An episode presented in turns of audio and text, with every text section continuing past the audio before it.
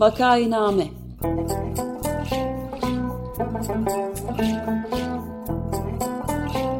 Salgın günlerinde memleket manzaraları. Hazırlayan ve sunanlar Güven Güzeldere, Ömer Madra ve Özlem Tekin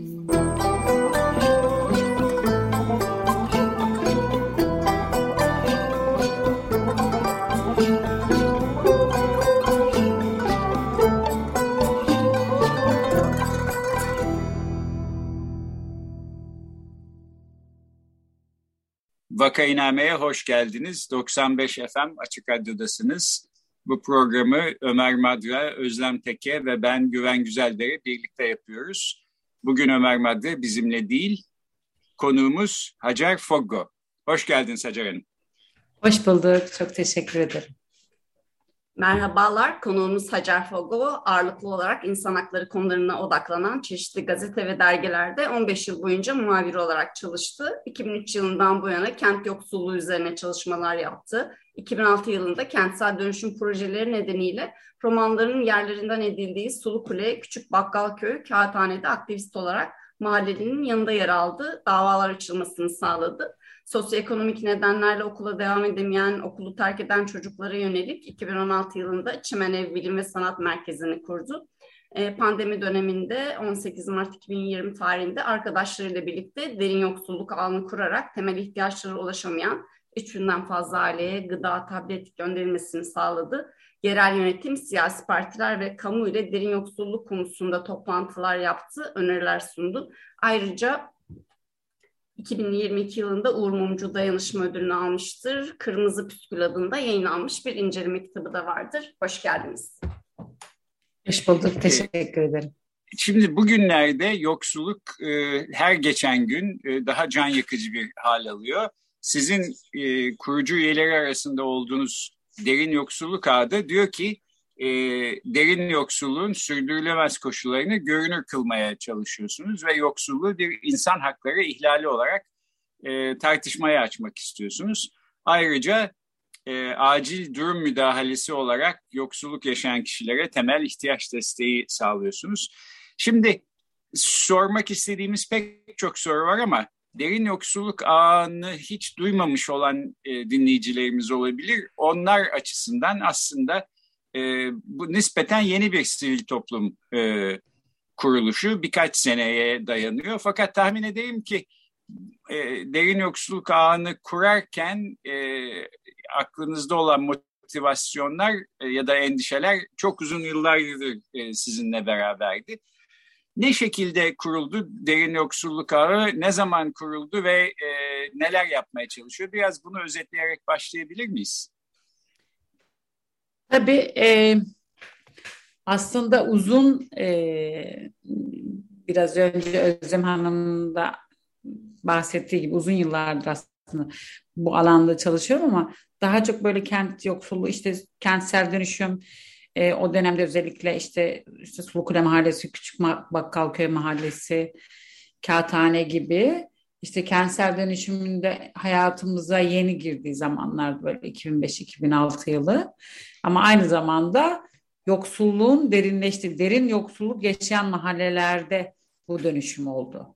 Ve aslında özel olarak hani bugünden baktığımız zaman o mahallelerin işte özel olarak seçildiğini görüyoruz. Niye? Çünkü kentin merkezinde olan aynı zamanda işte rantı yüksek olan yerler işte bir Sulukule Mahallesi'ni Karagümrü düşündüğünüz zaman surların orada bir mahalle. İşte ya da Küçük Bakkalköy düşündüğünüz zaman işte bugün Ataşehir e, oldu orası ve şey finans merkezi hani orada.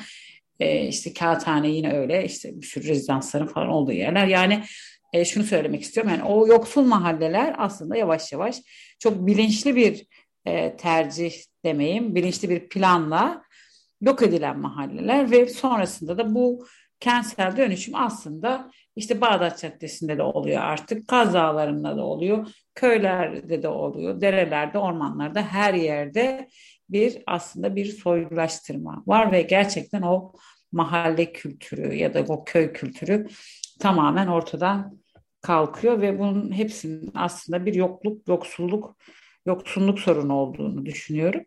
İşte ben böyle bu çalışmaları yaparken aslında bütün o mahallelerde en fazla gözüme çarpan, en fazla beni etkileyen e, ve arkadaşlarımı da tabii ki etkileyen çocukların durumu olmuştu. Çünkü çocuklar bütün bu saydığım mahallelerde yani hem işte İstanbul'da hem Türkiye'nin çeşitli mahallelerinde işte okul devamsızlığı yapan, çocuk işçiliğinin fazla olduğu, erken evliliğin fazla olduğu, erken evlilik de demeyelim de işte bu çocuk evliliği diyelim ya bilmiyorum ne diyeceğimi. Ee, hep bunun altında yatan nedenlere de baktığımızda işte okul terki, okul devamsızlığı hep şey işte yani ekonomik ve sosyal nedenler aslında.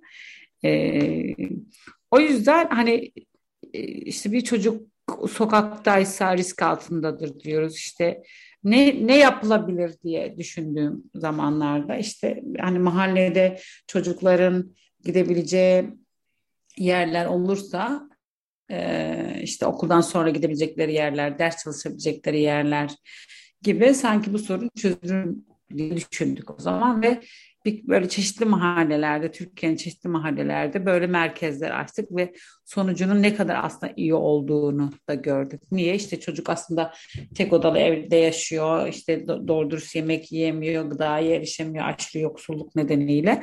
Ama mahallede böyle merkezler olduğu zaman okul sonrası geliyor, yemeğini yiyor, işte gençlerle dersini çalışıyor, evine dönüyor. Bu yüzden en son e, Harbiye'de İnönü Mahallesi'nde Çimenev diye bir merkez kurduk 2016 yılında. Şimdi derin yoksulluğu devam ettiren gençlerle beraber. O gençler aynı zamanda o dönemde işte öğrencilerdi, başka mahallelerde çocuklarla çalışıyorlardı falan. Ve sonra biz o merkezde biraz önce anlattığım gibi işte çocukların ders çalıştığı, annelerin okuma yazma öğrendiği, e, tabii aynı zamanda bu, bu yoksul mahallelerde bunu da söyleyeyim e, ki çocukların çoğu e, öğrenme güçlüğü raporları alanda çocuklar. E, işte kaynaştırma sınıfına giden, ramlardan rapor alanlar falan. Ve biz bu çocuklarla da çalıştık ve Çimenev'de işte e, Anadolu Lisesi'ni kazanan çocuklar oldu. Bu arada onlarla birlikte eşleşenler üniversite öğrencileriydi. E, çoğunluk Boğaziçi Üniversitesi'nden öğrenciler gönüllülük yaptı. Ve bu çocuklar böyle çok başarılı işte Anadolu Lisesi'ni kazananlar, üniversiteyi kazananlar oldu. Biz buna devam ederken pandemi patladı. Ve e, biraz önce bahsettiğim yani o 2005'lerde, 2006'larda tanıdığım çocuklar, aileler, tabii o çocuklar çok büyüdüler aileler yaşlandılar ve aramaya başladılar beni. Dediler ki işte evde gıda yok, mama yok, bez yok, şu yok, bu yok falan. O zaman ben bu genç arkadaşlarımla dedim ki yani ne yapabiliriz işte dışarı çıkamıyoruz, hani bir şey götüremiyoruz. Evden değiştir diye bir kampanya başlatalım. Dedik ve 11 Mart'ta Sağlık Bakanlığı o zaman işte e, karantinadaydı. İşte biz de e, bir saniye galiba 6 Mart'ta yok 11 Mart'ta evet 18 Mart'ta da biz derin yoksulluk anı kurduk. Ve böylece o insanlara, o ailelere, arayanlara yaklaşık 3000'den fazla aileye temel ihtiyaçlarını e, göndermeye başladık ve eşleş, eşleştirerek tabii aileleri. Sonrasında e, Haziran 2020 de dışarı çıkıp araştırma yaptık. 103 hane üzerinde ve aslında durumun ne kadar e, trajik olduğunu e, daha yakından görmüş olduk. Çünkü o araştırma sonuçlarına göre işte kadınların e, yüz, yani 103 hane üzerinden tabii yanlış anlaşılma olmasın. Yüzde 82'si pede ulaşamıyor. İşte yüzde 74 bebek bezi ve mamasına ulaşamıyor. İşte yüzde elli çocukların tableti, interneti yok ve okula hiç devam edemedi yani bu pandemi boyunca. Ee, işte insanların tek tip beslendiğini, daha çok böyle pazar artıklarından alışveriş yaptıklarını falan, alışveriş yaptıklarını demiyorum, oradan topladıklarını. Ee, Bizim çalıştığımız insanlar, aileler daha çok böyle günlük güvencesi çalışanlar. Yani işte tekstil işçileri, inşaat işçileri, kağıt toplayıcılar, garsonlar, gündelikçi kadınlar, e, müzisyenler. Bu ailelerdi yani işte açlık sınırının altında yaşayan aslında e, ailelerdi.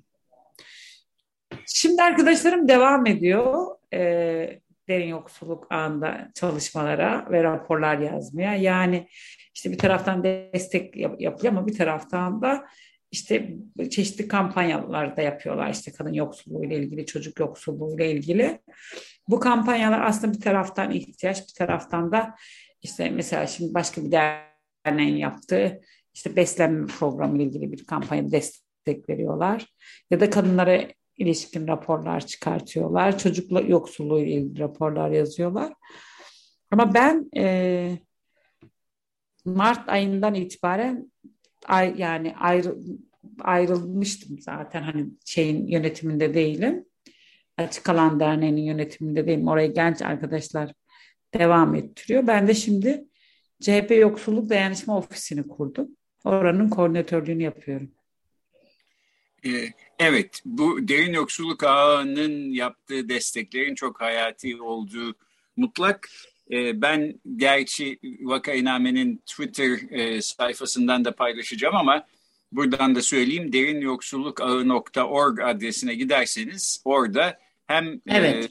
çeşitli bilgiler var hem de destek ol diye bir buton var. O butona tıkladığınız zaman e, ne şekilde bağış yapacağınız ya da yapabileceğiniz, evden değiştir programına katılabileceğiniz ya da derin yoksulluk ağının gönüllüsü olarak ne şekilde çalışabileceğinize dair bilgiler e, edinmek mümkün. Evet. E, peki e, şimdi e, pek çok soru var. E, Cumhurbaşkanımız demiş ki Türkiye'de bir hayat pahalılığı sorunu var. E, evet sağ olsun onu teslim etmiş ama enflasyon sorunu yok demiş. E, evet. Bu, bu tabii çok talihsiz bir durum çünkü enflasyonu nasıl çözeceğimizi biliyoruz. E, malum faizleri düşürseniz enflasyon da düşecek filan. E, ama hayat pahalılığını nasıl çözeceğiz onu dış güçler e, herhalde organize ediyorlar. İşin şakası bir yana siz e, sahada birebir e, bunun e, yani hayat pahalılığının enflasyondan da kaynaklanan hayat pahalılığının e, canlarını yaktığı insanlarla e, görüşüyorsunuz, onlara destek oluyorsunuz. Hangi ailelere nasıl yardım yapmaya ne şekilde karar veriyorsunuz? Bunu sorsam. Ee, şöyle, e, şimdi şeyden başlayalım aslında Cumhurbaşkanı'nın söylediği şeylerden biraz. Yani daha önce işte açlık olmadığını da söylemişti. Şimdi enflasyonu söyledi. Ama şöyle düşünüyorum ben şimdi. Hani bence hani Cumhurbaşkanı da işte ülkeyi yöneten herkes de hükümette yani açlığında, yoksulluğunda var olduğunu aslında biliyor. Niye biliyor? Çünkü Aile Bakanlığı'nın raporları da ortada yani işte.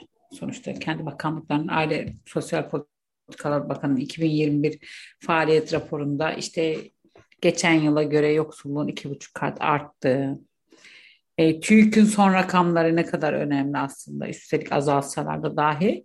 Ama oradaki bir rakam işte benim hani çok dikkatimi çeken sürekli yoksulluğun yüzde 13.8 e, olması aslında. Bu sürekli yoksulluğun böyle sürekli yoksulluk deyince hani böyle okuyup geçmek değil.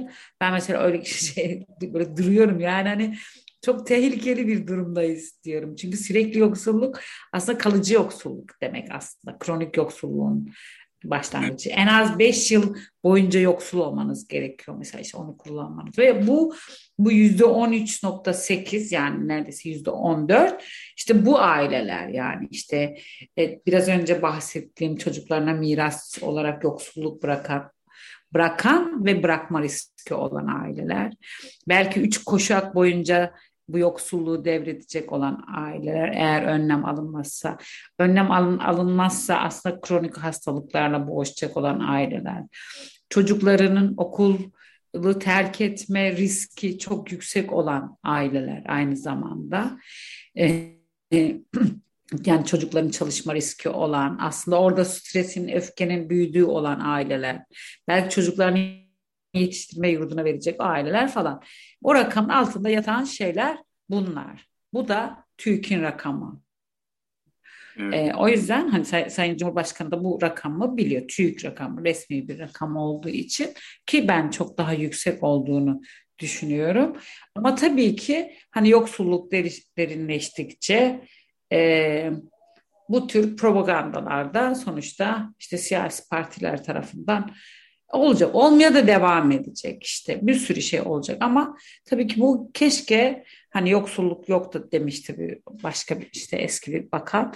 Hani keşke hani bunlar ortadan kalksa yoksulluk yok tamam yok olsun açlık yok olmasın ama şu anda sahada benim gördüğüm e, birincisi gerçekten ve gerçekten gıda krizinin iyice derinleştiği, inanılmaz pahalı ve bu inmiyor. Yani en temel ihtiyaçlar işte yani o bir şey bu neydi bir işte gıda sepetindeki ürünlerin kaldırıldı ya ölçerken evet. falan.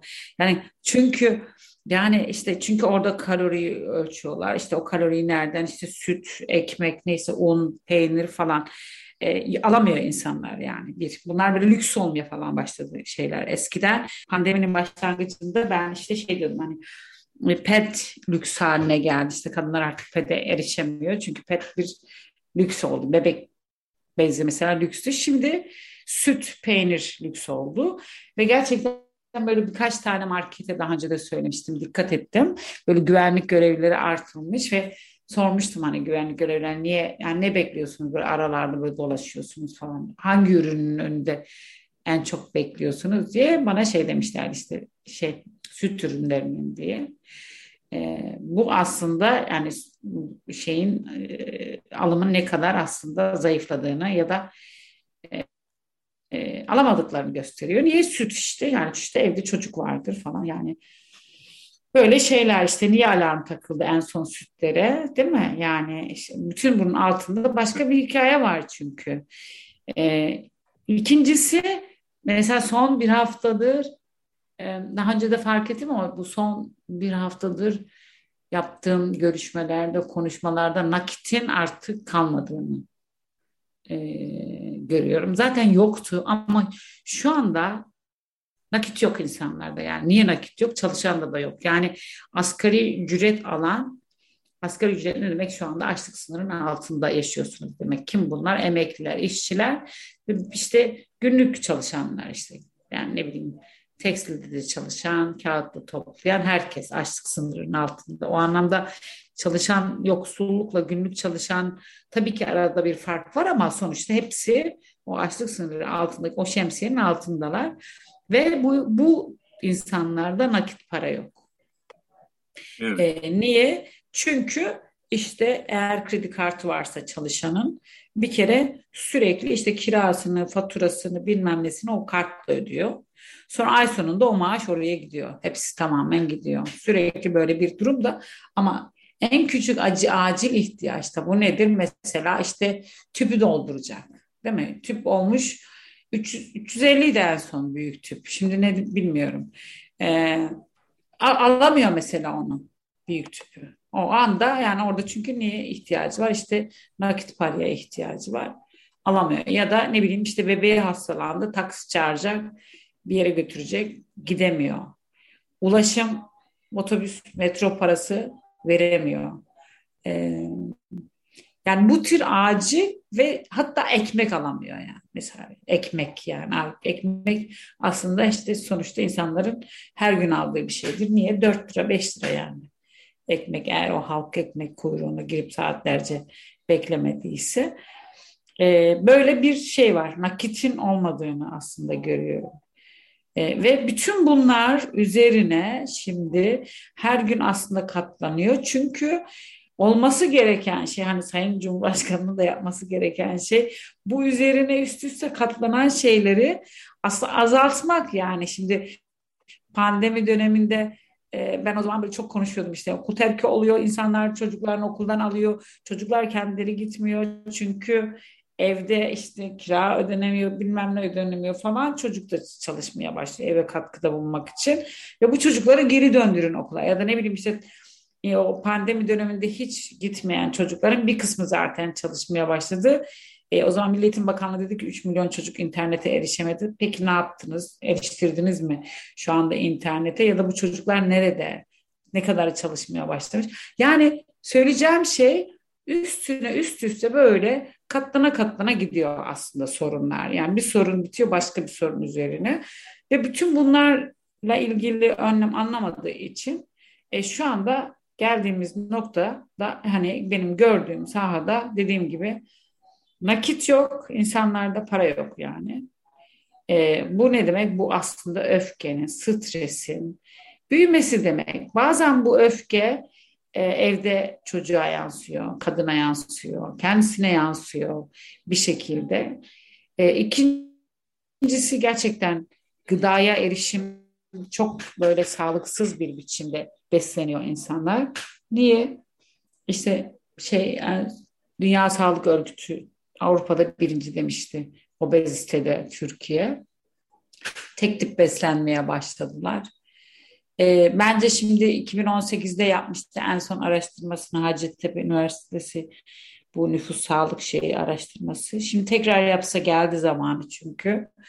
Bodurluğun arttığını, gelişim bozukluğunun arttığını düşünüyorum. E, görüyorum çünkü elbette görüyorum yani çocukların ne kadar zayıfladığını, annelerin zayıfladığını. Ve bütün bunlar sadece zayıflamak değil. Bu beyni de etkiliyor işte e, çocuğun zihinsel gelişimini de etkiliyor ve ileride yetişkin olunca da sağlıksız bir nesil olacak yani. İşte bu devredilen yoksulluk dediğimiz böyle işte bu insanların gözlerinin içine baka baka bu çocukların e, o yoksulluk derinleşiyor böyle. Evet, dolayısıyla burada yalnız bireysel değil toplumsal bir e, çok ciddi bir sorun olduğu da çok açık. Evet. E, Şimdi konu buraya gelince e, vatandaşlık geliri ya da temel e, evrensel gelir hakkında bir şeyler sormak da gerekiyor. Fakat bu e, soruyu e, Özlem Hanım benden çok daha iyi bir şekilde ifade etmişti. Ben ona bırakayım. Tabii. Teşekkürler. E, şimdi e, sizin de ifade ettiğiniz gibi artık yoksulluğa sadece yoksulluk da diyemiyoruz, derin yoksulluk diyoruz e, devreden yoksulluk kavramını, kadın yoksulluğunu da e, sıklıkla evet. dile getiriyorsunuz. E, pandemi gibi hani yoksulluğun derinleştiği dönemlerde bu sosyal yardım mekanizmalarının çok önemli olduğunu gözlemledik ama bu e, derin ve devreden yoksulluk karşısındaki önceliğimiz ne olmalı? Şimdi bazı iktisatçıların evrensel temel gelir yaklaşımı var ama e, bir de feminist iktisatçıların mesela makroekonomi politikalarında kadın istihdamına e, yatırımı önceleyen bir yaklaşımı var. Sizin bu konudaki tutumunuz nedir ya da önceliğiniz nedir? Yani şöyle Özlem Hanım, mesela şu anda mesela bugün diyorsanız, mesela bugün hemen çok acil ben de bence e, çünkü gerçekten hani biraz önce yani bu kriz derinleşiyor ve çok acil nakit desteğine ihtiyaç var. Yani en azından açlık sınırında yaşayan her aile için, için. Yani bu çalışan yoksul da olabilir, günlük güvencesiz insanlar da olabilir. En az bir yıl, iki Şu anda çok acil yapılması gereken bir şey var. Çünkü eğer bütün bunlar yapılmazsa biz bütün bunları tartışamayacak durumda e, MADA geleceğiz yani. Hiç konuşturmayacaklar biz. yani bir, bir taraftan demokrasiye ihtiyacımız var. Çünkü yani bu yoksulluk yani derinleştikçe hani açlık şey arttıkça e, baskıda çoğalacağına inanıyorum ve e, hiçbir şeyi tartışacağım, tartışamayacağımız, konuşamayacağımız duruma gelecek. O yüzden hani bu bunun adını temel gelir diyebilirsiniz, başka bir şey diyebilirsiniz ama mesela pandemi döneminde mesela Arjantin'de başka ülkelerde de böyle uygulanan, İngiltere'de de uygulanan bildiğim böyle çok e, dediler ki ya bürokrasiyi boş verin hani şu anda Birleşmiş Milletler de o zaman öyle demişti. Hani bir çok acil bir nakit transferine ihtiyaç var demişlerdi ve mesela Arjantin'de oranın işte en zengin adamlarından şeyden oradan bir gelir olarak vergi üzerinden insanlara e, para e, verilmişti hatırladım pandemi döneminde. Şimdi aslında hani Türkiye'deki bu açlık sınırındaki insanları birazcık nefes aldıracak şey şu anda bu. Ama sonrasında evet yani bütün dünya bunu tartışıyor artık. Diyorlar ki hani işte evet sosyal işte destekti, gıdaydı falan bütün bunlar ortadan kalk kaldırmak değil ama gerçekten herkesin işte böyle kriz dönemlerinde ya da başka e, durumlarda ya da mobbingde işten çıkartıldınız işte emeklisiniz ama açlık sınırının altında yaşıyorsunuz e, ya da işte çocuğunuzu daha iyi e, bir kaliteli bir eğitim olsun istiyorsunuz ya da daha insana yakışır bir iş yapmak istiyorsunuz ama bunun için bir şeyiniz yok. Nefes alacak bir geliriniz yok. İşte bütün bunlar için aslında temel gelirin önemli olduğunu düşünüyorum. Ee, böyle ama mesela Cumhuriyet Halk Partisi'nin bu aile destekleri sigortası e, kadınlara yönelik bir sigorta. İşte sigorta dedim destek sabit bir maaş olacak işte kadına verilecek falan. Ee, hani işte şurası şöyle olsaydı burası böyle olsaydı diye bence tartışmaya açık. Ama en azından kadına nefes aldırabilecek böyle temel gelir gibi bir proje olduğunu düşünüyorum. Geliştirilebilir ama en azından kadının böyle işte her ay açlık sınırının altındaki bir kadının her ay işte sabit o ailesinin ya da kendisinin giderlerini karşılayabileceği bir e, şey sistem olduğunu düşünüyorum. Peki teşekkür ederiz. Programın aslında ben sonu ama bitirirken e, söylemek istediğiniz son birkaç cümleye de yapmak istediğiniz bir çağrı varsa ben e, sözü size bırakayım yeniden. Yani çağrı, e, çağrı şu bir e, bir, bir şey daha söyleyeyim. Yani bu sosyal yardım meselesi mesela çok konuşuyor. Bu sosyal yardımın aslında bir sosyal hak olduğunu bence e, çok daha fazla dillendirmemiz gerekiyor. Çünkü yardım dediğimiz zaman bir muhtaçlık ilişkisi kuruluyor yoksullarla ve yoksullar sürekli böyle bir ön yargıyla sürekli size yardım ediyoruz. Kimse kimse yardım etmiyor aslında. E, bu bir hak. İkincisi sosyal yardımların çoğu zaten kesilmeye başladı. Orada da bir e, pürüz var. Hani daha fazla aslında destek verilmesi gerekiyor. Üçüncüsü ve son e, gerçekten hani kriz derinleşiyor. E, hepimiz aslında bir basamak, iki basamak aşağı doğru iniyoruz, inmeye de devam ediyoruz. Bence birbirimizin elini tutalım, birbirimize dayanışalım. E, dayanışalım ve dayanışmayı yaygınlaştıralım diyorum son olarak. Teşekkür ederim. Peki, çok teşekkür ederiz. E, Vakayname'yi dinlediniz. Bugün e, konuğumuz Hacer Foggo'ydu. Teşekkürler Hacer Hanım. Ben teşekkür ederim. Teşekkürler. Hoşçakalın.